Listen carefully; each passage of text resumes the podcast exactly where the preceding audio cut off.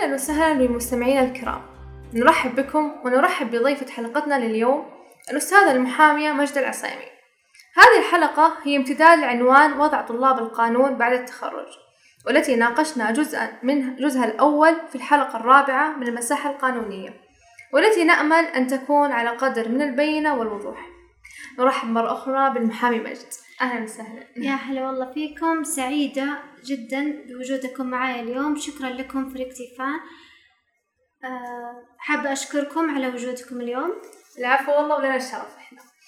طيب في السابق كم هو معروف أن من شروط الحصول على رخصة مزاولة مهنة المحاماة إمضاء ثلاث سنين؟ احكي لنا رحلتك بداية مع المرحلة الجامعية.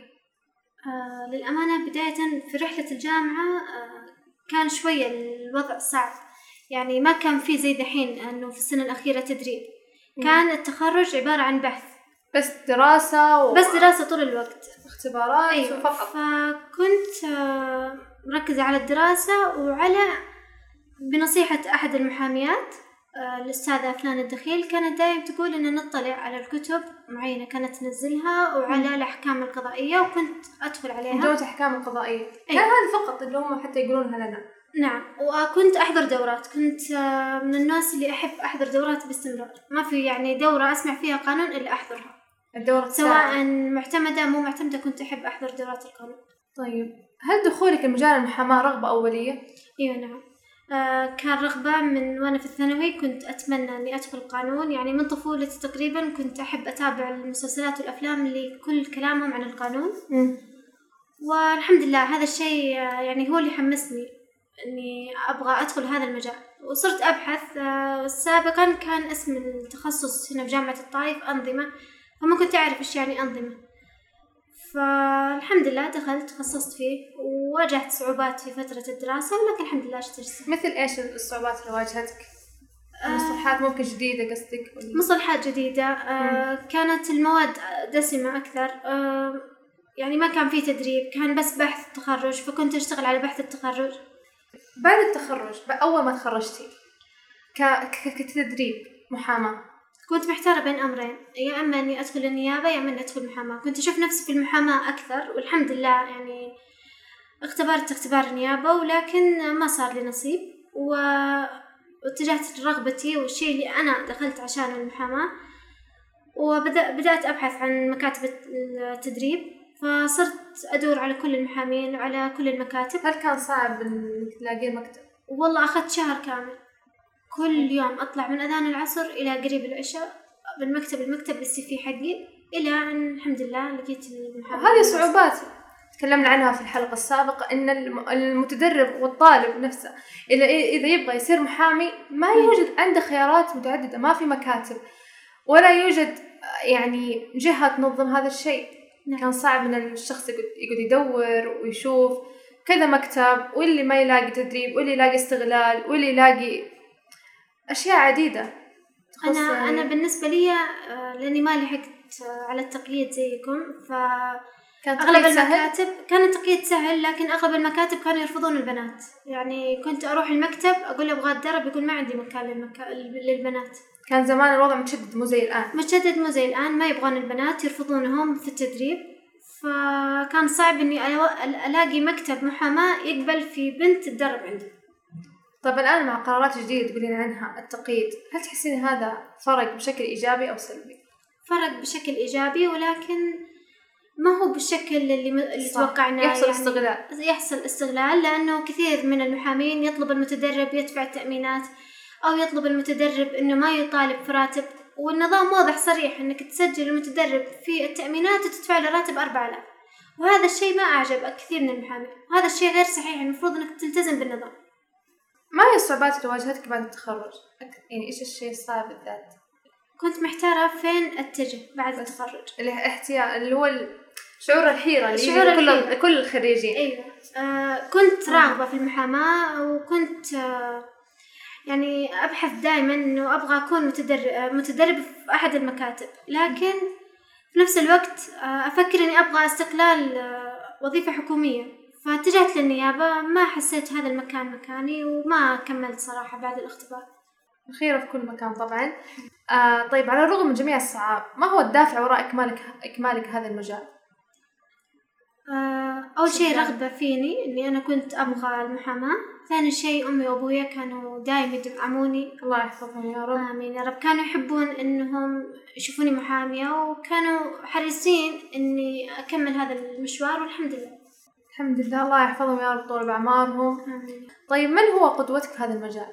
هل في أحد ساعدك مثلا أو شفتيه قدوة وصار عندك شغف أكثر محاماة ولا أنت بنفسك تحسين قدوة منك أنت داخليا؟ يعني للأمانة هو ما هو ما في قدوة معينة بحد ذاتها لكن أنا كنت دائما أطمح إني أنا أبغى أكون محامية كبيرة أفتح لي مكتب ومن المكتب هذا أتوسع الشركة. فكان هذا طموحي. من الداعم الأول لك؟ أمي. آه، أمي كانت آه، أي شيء يصير يعني مثلا بعد قضية في قضايا تمر علي يعني شوي تأثر علي. يعني أحس القضية هذه مثلا نجحت لكن مو النجاح اللي أنا كنت أبغاه. فكنت يعني آه، أحس بشيء داخلي إنه أبغى أتردد ما أبغى أكمل. فكانت أمي دائما تدعمني إنه لا أنت بتوصلين أنت بتكملين. ف ما وقفت والحمد لله فعلا يعني نوعت في آه، مسكي في القضاء يعني مسكت قضايا بشكل منوع آه، في مناطق آه، منوعة. توفيق الوالدين دائما يرافق أيوة نعم. الشخص دائما أقول وراء كل خطوة عظيمة دعوة أم. عندك نصائح توجيهها للخريجين وطلاب القانون بشكل عام؟ آه، نصيحة تحسينها مهمة لهم. أنا أشوف دائما الخريجين آه، يقفلون باب إذا ما لقيت أحد يدربني أو يقيدني خلاص. أتمنى أنكم ما توقفون عند هذا الباب. وهذا الباب يتقفل اتركوا أبواب ثانية. عندكم تتدربون في مركز التدريب العدلي عندكم تكملون دراسة عندكم تقدمون على النيابات تقدمون على الشركات على المؤسسات الوظائف الحكومية. يعني لا تستسلمون إذا ما لقيتوا محامي يقيدكم. بالعكس. يمكن المجال القانوني له مجالات مجال واسعة واسع جدا. نعم مجال واسع وبحر كبير. كلنا راح يشيلنا فيه. فلا حد يقول إنه لا ما لقيت محامي يقيدني أنا ما لقيت لا بتلاقي إن شاء الله. طب حكينا عن العضويات اللي أخذتيها مثل جمعية قضاء مثل هالأشياء. أنا فترة كورونا عشان الشغل قل وكان ما في محاكم آه، ما حبيت إني أجلس في البيت فاضية. فشفت إعلان الجمعية جمعية قضاء اللي هي الجمعية العلمية القضائية. منزلين دراسة وكان كنت في أول دفعة يعني تقريبا الحين وصلوا الدفعة الثالثة آه، دراسة زمالة المستشار القانوني آه، هي عبارة عن دراسة آه، ثلاثة فصول. كل فصل له شهادة. الفصل كم مدته؟ كل فصل شهر. شهر. أي شهر كامل. كل فصل شهر وله اختباره وبعد ما تخلصين تختبرين فيها كلها. وبعد ما تختبرين فيها كلها تحصلين على شهادة الزمالة. طبعا في شهادة زمالة المستشار القانوني في زمالة المستشار الشرعي أنا أخذت القانوني بإذن الله قريبا راح ألتحق بزمالة الفرق المستشار. بينهم؟ القانوني آه، المواد فيه قانونية أكثر والمواد التجارية بالذات مفصلة أكثر من آه، اللي كنا ندرسه. الشرعية فيها القواعد الفقهية أكثر أكثر شيء تحسينها تفرق كثير تفرق كثير هذه الجمعية في ال- في الواقع العملي. إيوه نعم. آه لأنها هي جمعية معتمدة اولا. ثانيا آه عشان تزيد خبرتك يعني المحامي المفروض ما ما يكتفي بدراسته بس لا بالعكس. يعني أنصح المحامين إنهم يلتحقون بالدورات يلتحقون بالجمعيات يلتحقون ما يوقفون بالمبادرات. على أخذهم رخصة أيوة نعم. فقط. حتى المبادرات القانونية المبادرات الخيرية. آه، مم. أفضل إنه المحامي حتى من وقت هو يدرس في الجامعة. أفضل إنهم يلتحقون عشان للفائدة و يستزيد من علمه أكثر أيوة. ويكون ذا خبرة أكثر. ما هو أكثر موقف أثر فيك من من قضية أو تحسينه يعني فرق في حياتك الشخصية؟ آه، قضية جنائية.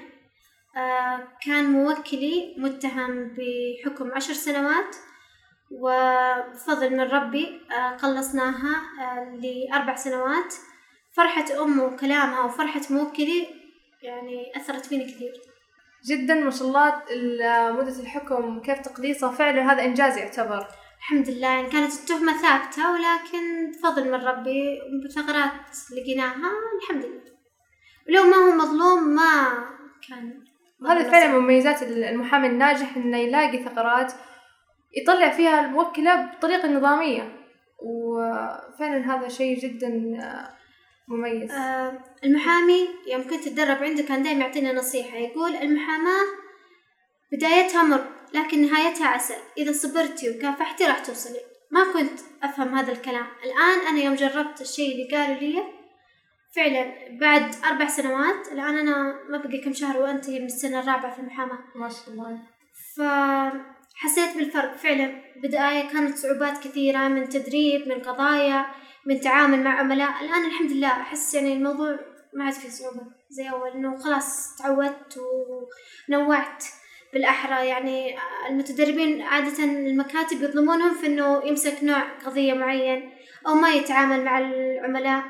لكن أنا الحمد لله من البداية الاستشارات تعلمتها كتابة العقود التعامل مع العملاء آه، أنواع القضايا الاختصاص النوعي الاختصاص المكاني. يعني تعلمت هذه كلها. وكيف دراسة القضية وكيفية قراءة آه، صك الحكم كيف كتابة المذكرات من لائحة اعتراض من التماس إعادة النظر. هذه ضروريات المحامي يتعلمها قبل لا يأخذ الرخصة فكثير من المكاتب للأسف يستغلون المتدربين كأنه معقب مو متدرب. يعني يطالب يراجع في المحاكم في الشرط بس ما ما يتعلم ولا شيء. يعني ما يستفيد كأنه معقب رسالة شكر. توجهينها آه، أحب أشكر أمي وأبوي على أنهم فتحوا لي هذا المكان وأنهم كانوا الداعم الأول لي من البداية. وأحب أشكر خالي بندر وأخوي فهد لأنهم كانوا داعم قوي ورايا والحمد لله.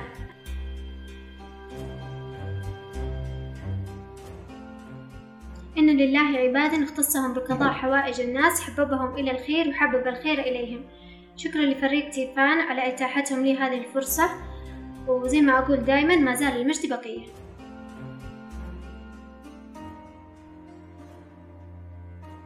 وسعدنا حضورك ومشاركتك معنا ونشكرك على وقتك وجهدك الثمين في إتاحة الفرصة لنا. وشاكرين لكم استماعكم وفي حال لديكم أي سؤال أو اقتراح نرجو مشاركتها عبر مواقعنا الرسمية. إلى اللقاء.